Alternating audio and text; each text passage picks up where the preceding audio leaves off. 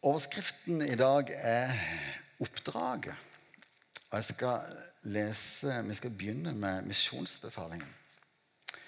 Misjonsbefalingen leste vi òg i går. fordi at i går så hadde vi rett og slett dåp. Herman Rudaitis ble døpt i går. Så vi leide familiekirka i går og hadde dåp. En stor fest. Mm. Så det er veldig stas. Veldig stas å få lov til å være med på. Men vi skal begynne med å lese fra Matteus 28, vers 18-20. Jeg har fått all makt i himmelen og på jorden. Gå derfor og gjør alle folkeslag til disipler, og døp dem til Faderens og Sønnens og Den hellige ånds navn. Og lær dem å holde alt det jeg har befalt dere. Og se, jeg er med dere alle dager inn til verdens ende. Dette er jo kjempe, altså det er veldig kjente ord. Mange av oss kan de utenat. Men, men hva gjør disse ordene med oss? Hvordan forholder vi oss til det oppdraget som Jesus ga oss? Dette er noe av det siste Jesus sa før han reiste opp til himmelen. Jesus har levd sammen med disiplene i tre år. Egentlig dag og natt, tror jeg. Lært de alt han kunne, så mye som overhodet mulig, både teoretisk og praktisk, hvordan han ønsker at disiplene skal leve. Og jeg tenker at Det siste som Jesus da sier, blir på et vis testamentet til Jesus. Det er dette som han kommer med nå. Det altså det, det er denne misjonsbefalingen. Og Hvordan forholder vi oss til dette i dag? For vi tror jo ikke at dette var bare et oppdrag som disiplene fikk. Oppdraget er fortsatt ikke fullført. Sist helg så skulle vi hatt en lederhelg her sammen, altså lederteamet og det nye styret. Det måtte vi avlyse fordi det var altfor mange av oss som hadde noen nærkontakter på KVS. Ehm, så det gikk ikke. Men i den forbindelse så drev jeg og forberedte på en måte altså, Hvorfor driver vi menighet? Hvorfor? Hva, hva, er, hva, er, det vi holder på med her, egentlig? Og da er på et vis misjonsbefalingen ganske så sentralt. Den kommer fort opp. Og vi er kalt til å være disipler og til å gjøre disipler. Og hva er en disippel der? ikke sant? Og da kommer denne trikanten fort opp. og den mange av dere har hørt om dette før.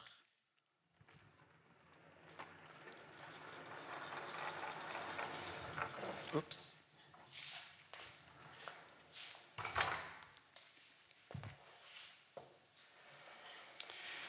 At en disippel er som en trikant.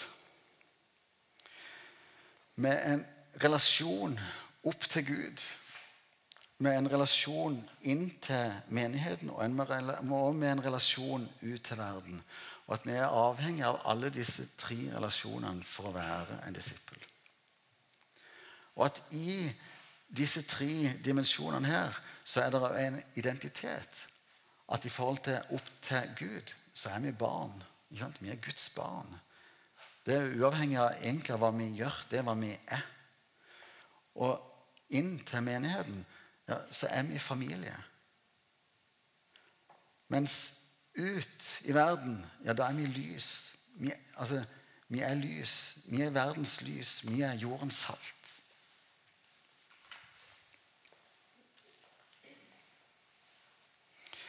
Og så har vi hatt masse god undervisning om dette tidligere. Og så ble jeg litt sånn usikker. ok, Er dette kanskje såpass lenge siden at vi burde hatt det igjen?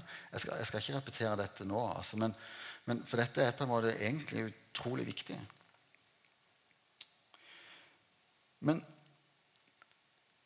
men, men har dette gjort noe med oss? Er det noe som du gjør annerledes i hverdagen din?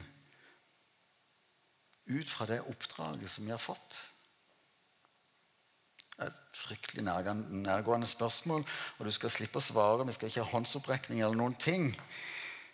Men jeg tror det kan være nyttig å stille seg sånn sjøl et sånt spørsmål. Og sjøl så syns jeg egentlig at det er litt ubehagelig.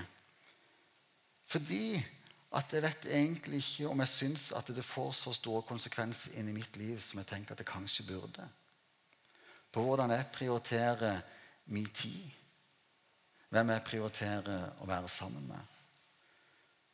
Hvordan jeg prioriterer alt det som Gud har gitt meg av økonomisk ressurser og, og jordisk gods. Hvordan jeg forvalter det som Gud har gitt meg av gaver og evner.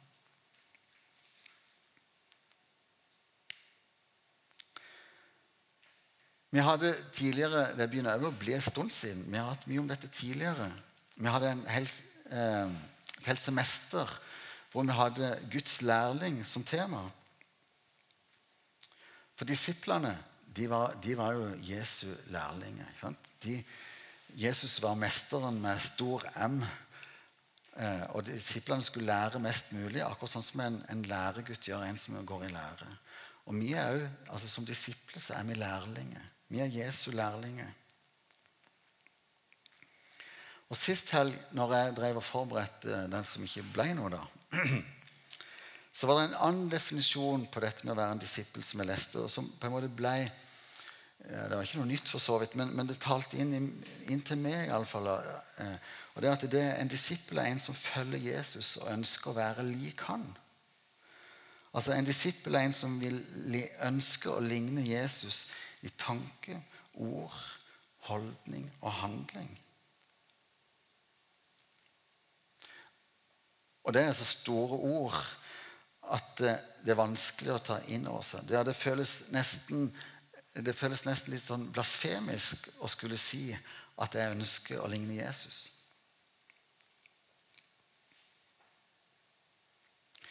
Men, men det er det, dem jeg er skapt til.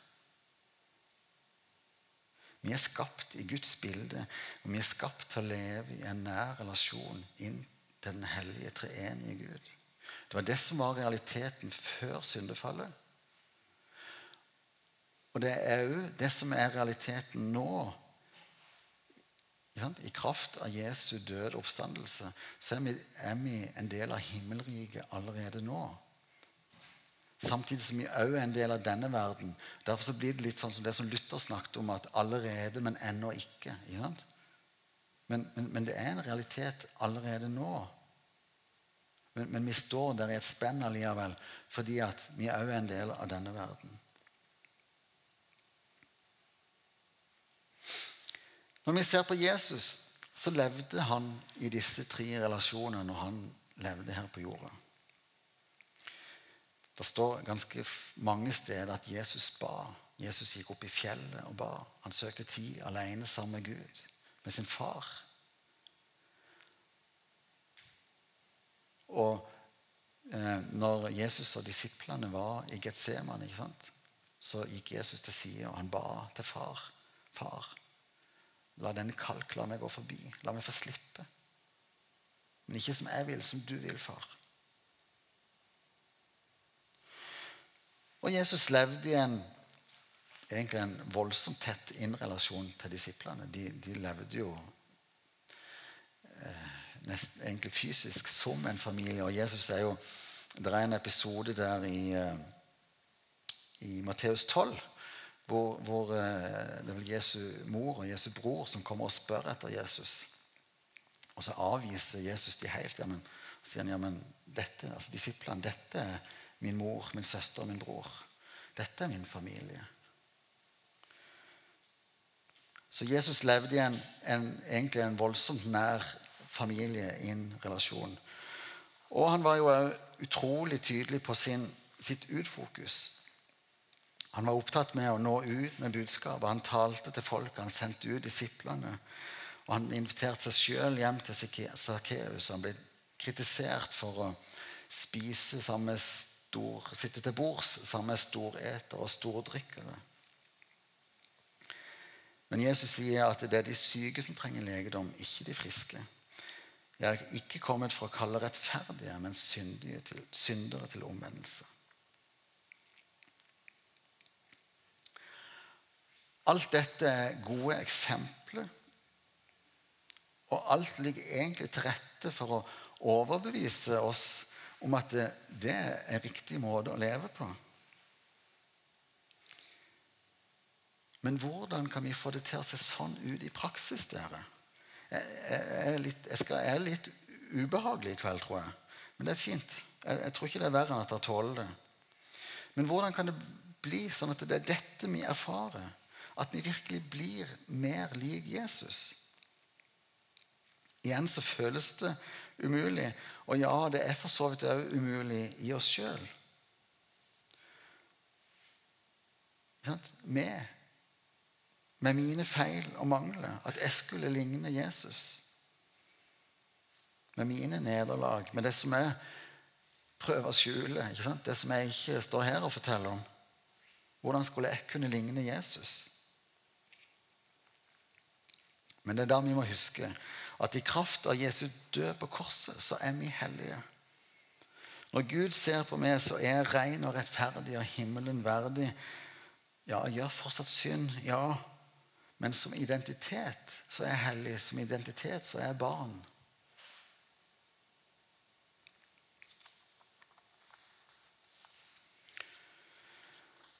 Ja,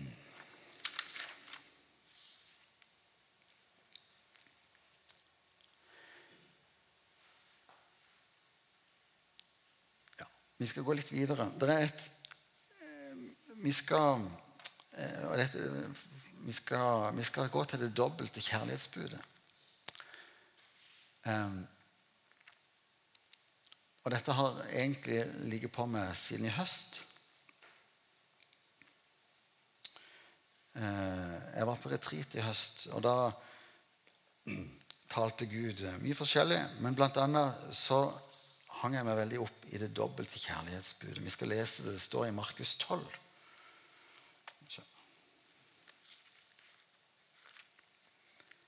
Vers 28-31.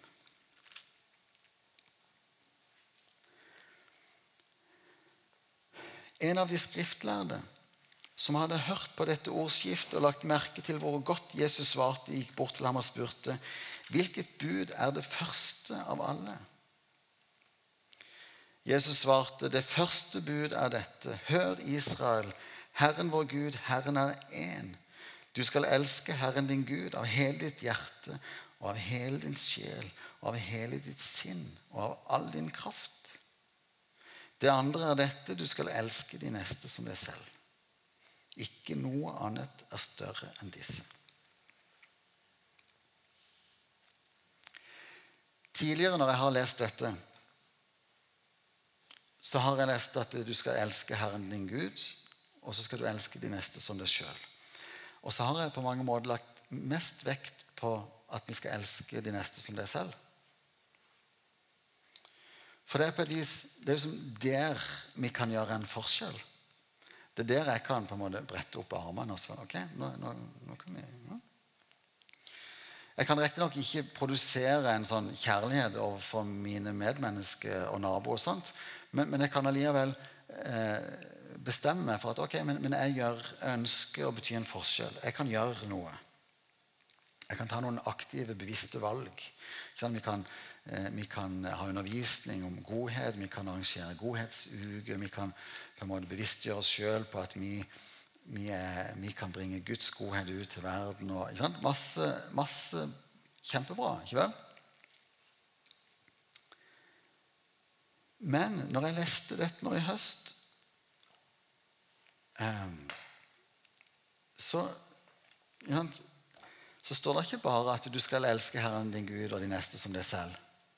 Det står at du skal elske Herren din Gud av hele ditt hjerte, av hele din sjel, av hele ditt sinn og av all din kraft. Og de neste som deg selv.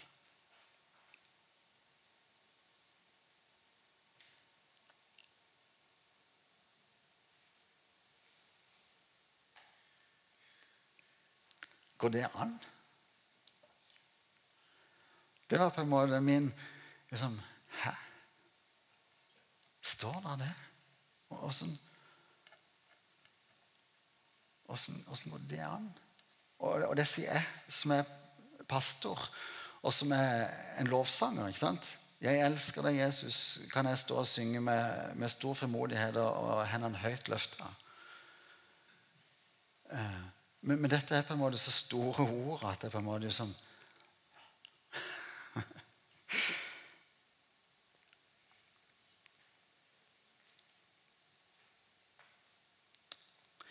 Jesus, han levde dette.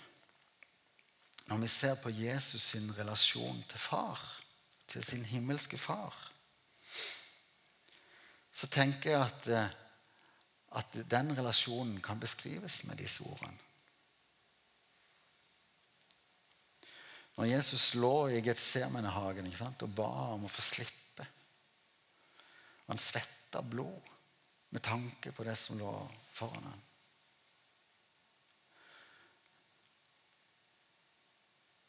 Og jeg tror på en måte at, eh, at den smerten som det var for Jesus, som, som er hellig, som, som, ikke, som, aldri har gjort synd For han å, å bli gjort til synd Det var en smerte og en lidelse så stor at vi på en måte ikke kan eh, Vi kan ikke fatte, vi kan ikke sette oss inn i den lidelsen. Jeg har alltid tenkt Ikke alltid, men jeg har tenkt eh, i, på en måte, i den der oppvåkninga en har på vis i det at jeg er Guds barn, jeg elsker Gud, så har jeg på en måte tenkt at, eh, at Jesus døde på kors for meg. Eh, og det er sant. Det, det, er en sannhet som vi skal, som vi skal holde fast på. Gud døde på kors for meg. Om det hadde vært bare meg, ja, så hadde han likevel dødd for meg. Og det samme for det. Men Kanskje var det like mye Jesu kjærlighet til sin far som gjorde at han faktisk døde på korset.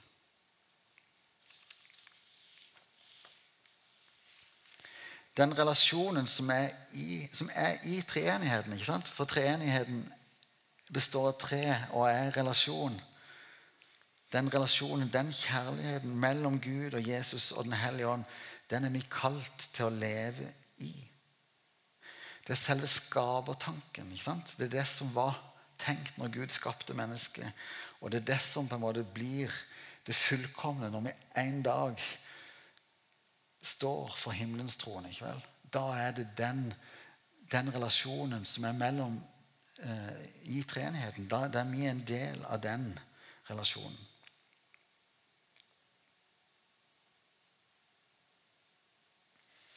Og jeg tenker at For oss som disipler så er det jo et mål å leve i den relasjonen til Gud.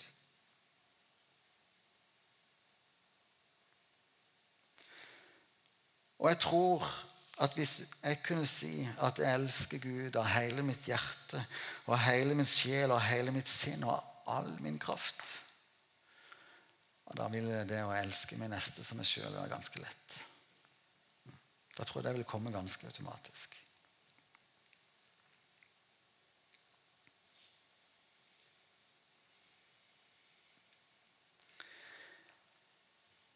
Men igjen hvordan Hvordan?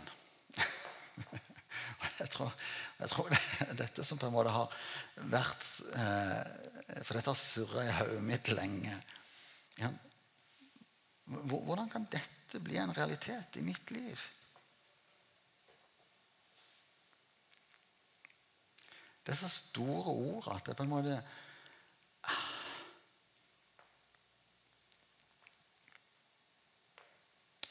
Det er egentlig ganske mange gode eksempler i Bibelen på mennesker som levde i en sånn relasjon. Og så vet vi jo at, at dette på en måte er ikke et sånn enten-eller eller en sånn eh, men, men, hvis vi ser på, på Maria, for eksempel, som vi, som vi snakket om i begynnelsen her òg Jeg lurer på hva Maria tenkte når hun fikk besøk av engelen.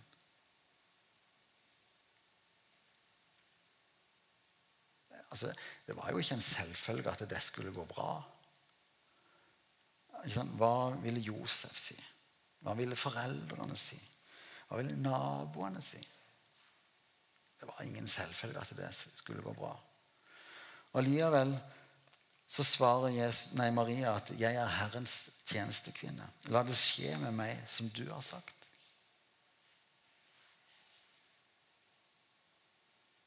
Det kan jo ikke ha vært noe enkelt valg. Jeg tenker, i dag, altså Vi kan, vi kan glorifisere det litt og tenke at wow, tenk Jesus. Nei, Maria hun var så heldig hun fikk lov til å være Jesu mor. Bære fram verdens frelser. Ja? Men, det, men, det, er lett å si i dag, når vi vet hvem Jesus var, og hva han gjorde. Men, men for Maria, denne unge jenta, og på en måte skulle få beskjed om at, at du skal bli med barn, og han, skal, han er Guds sønn skal, altså, Hun må ha elska Herren sin Gud av hele sitt hjerte, tenker jeg. Og Hvis en ser på Peter Jeg er jo glad i Peter.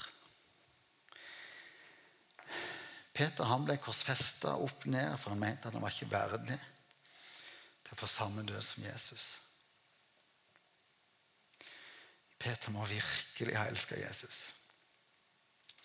Og så vet vi jo at det var ikke noe enkel vandring for Peter heller. Og Peter feiga ut. ikke sant? Når Jesus ble korsfesta, så feiga han ut. Han banna på at han ikke kjente Jesus. Men Peter gikk en vei Eller kanskje Jesus gikk en vei med Peter.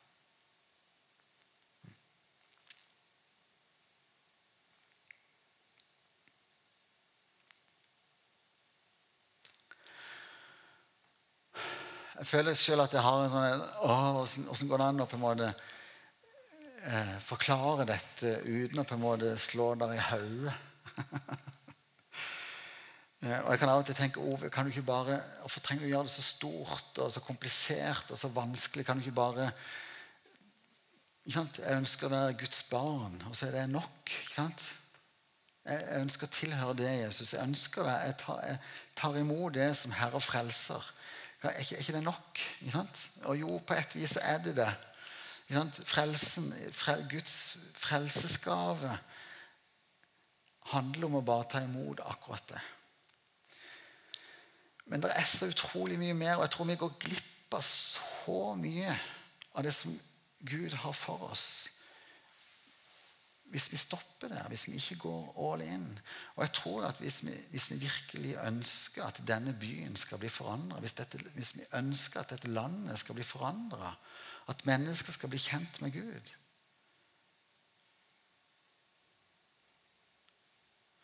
Da må vi la Guds herlighet og Guds kjærlighet bli synlig i våre liv. Da må vi bli mer lik Jesus.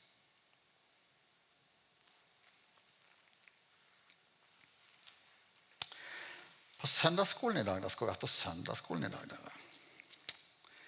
Så har de hatt om, eh, om visjonen vår. Om Gud gjennom oss til mennesker. Og de har lært at vi er som ei klinkekule. Jeg ser ikke det, men, men klinkekuler kan være ganske vakre. ikke sant? Blank og fin og fine farger og masse fint. Men skal vi Nei, det skal jeg ikke.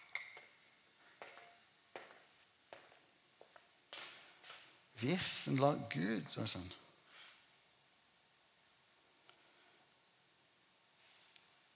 Hvis en lar Gud få skinne på klinkekula Ser dere hvor vakker hun blir da? Ser dere hva som skjer oppi taket?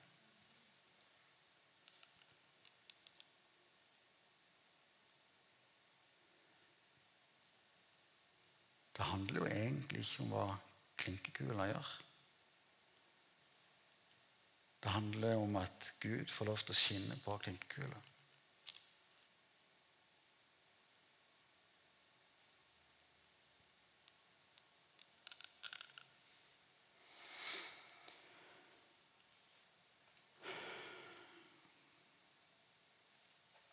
Takk.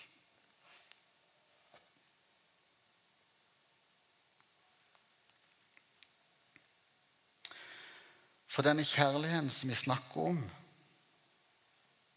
den som er av hele mitt hjerte, av hele mitt sinn og av hele min sjel og all min kraft. Det er ikke noe vi kan produsere i oss sjøl. Men det er noe vi kan få ifra Gud. Akkurat som lovsangen og tilbedelsen. Jeg kan velge at jeg ønsker å prise Gud. Men det handler egentlig om å speile tilbake det som Gud allerede har gitt meg.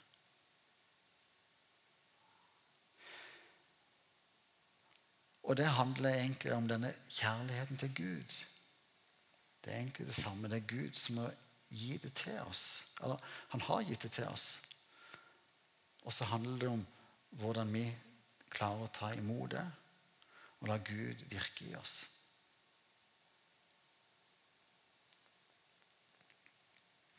Jeg syns jo David sier dette på utrolig enkel og merkelig måte egentlig i Salme 22. I Salme 22 vers 26 så skriver han i den store forsamling kommer min lovsang fra deg.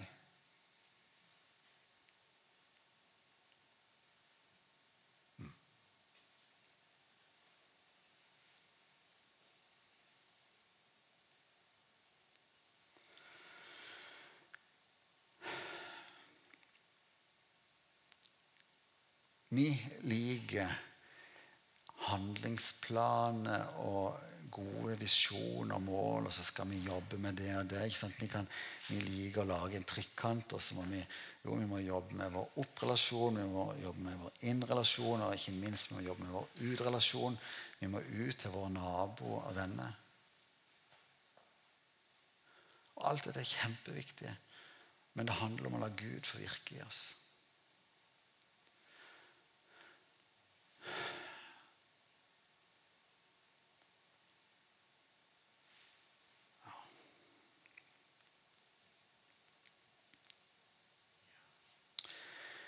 Kjære Jesus, takk for at du elsker meg så høyt at du ga ditt liv på korset for meg. Mm. Og takk for at i det så er det hvile.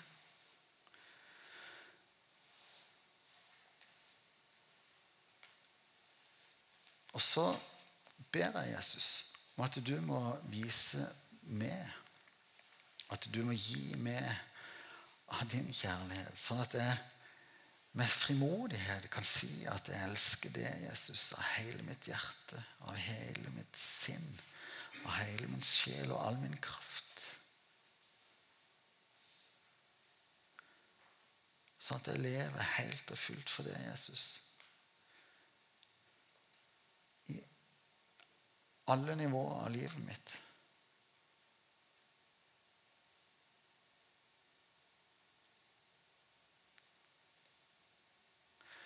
Og jeg ber Jesus om at jeg må bli som denne klinkekula som du får lyse på, og som du får virke gjennom. Og at jeg sånn sett kan være verdens lys. At jeg kan være jordens salt.